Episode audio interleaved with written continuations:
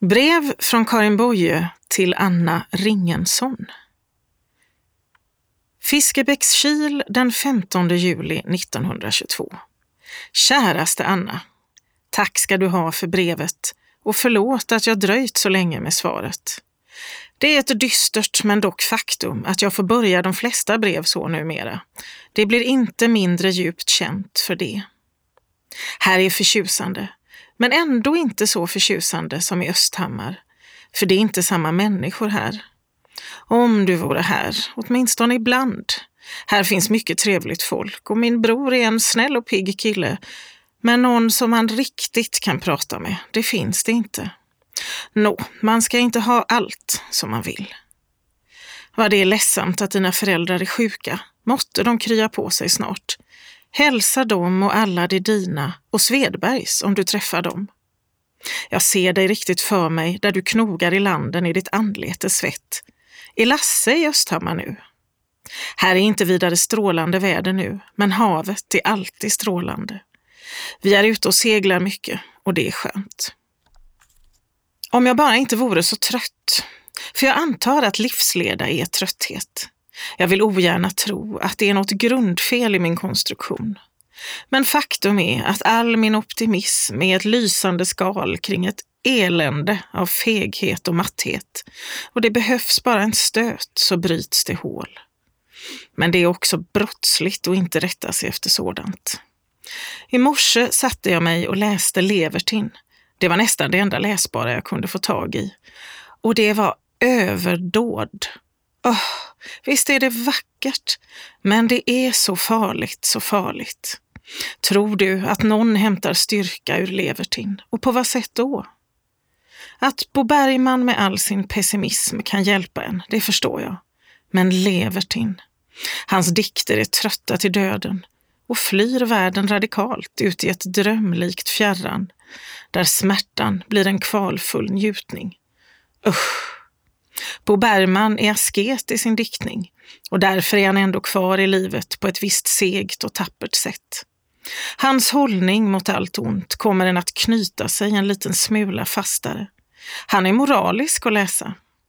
Men det där tror jag högst få har förnimmelse av.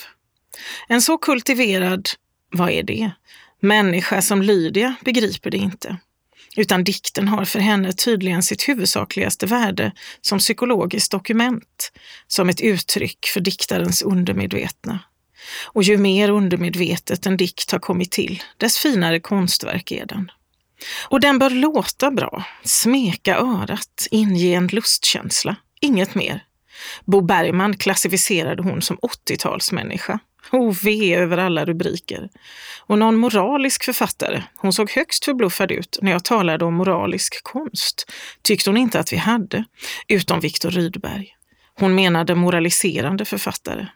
Inte skadar det heller, men inte är det detsamma. Och när inte Lydia kan upptäcka mer i konsten, vad ska de flesta då tycka? Är konst verkligen en lyx? Jag tror det inte och vill inte tro det.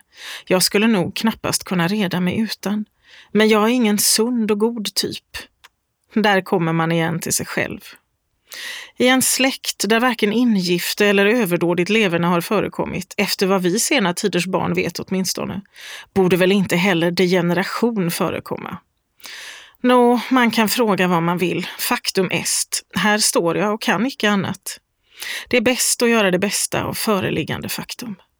Men det är svårt. Man sätter gärna dit, om bara det och det vore borta, skulle jag göra något bra av mitt liv.